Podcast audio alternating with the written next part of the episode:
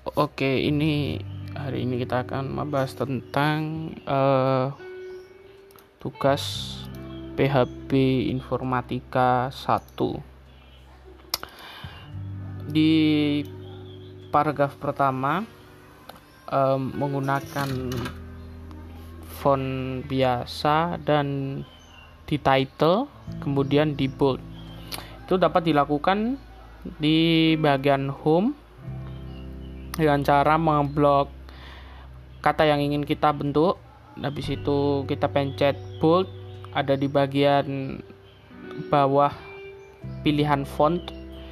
Kemudian memencet di bagian spacing atau uh, atau aneka ragam font ini di bagian kanan kanan pojok atas akan ada pilihan title. Kemudian itu langsung auto di tengah. Di paragraf kedua sepertinya ini menggunakan full italic tanpa bold tanpa underline hanya italic cara untuk meng italic atau memiringkan tulisan seperti paragraf kedua memblok semua kata yang ingin kita piringkan kemudian pen cat italic.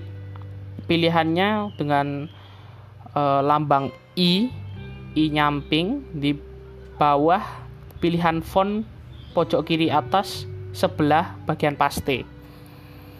Oke okay, uh, eh, paragraf ketiga uh, tidak ada uh, underline bold atau italic. Hanya normal font biasa tanpa aneh-aneh. Akan tetapi menggunakan uh, seperti daftar. Jika ingin melakukan itu dengan cara memblok semua uh, tulisan yang ingin kita daftar kemudian di bagian tengah tengah home ada bagian kiri pojok atas yang tulisannya bullets kita pencet untuk memberi titik-titik di sebelah kiri untuk mendaftarnya. Maksudnya uh, itu seperti nomor 1, 2, 3, 4, 5, 6, 7, 8, 9, 10 dan seterusnya. Oke, okay. uh, eh, paragraf 4 menuliskannya menggunakan font biasa dan juga uh, menggunakan bold dan underline.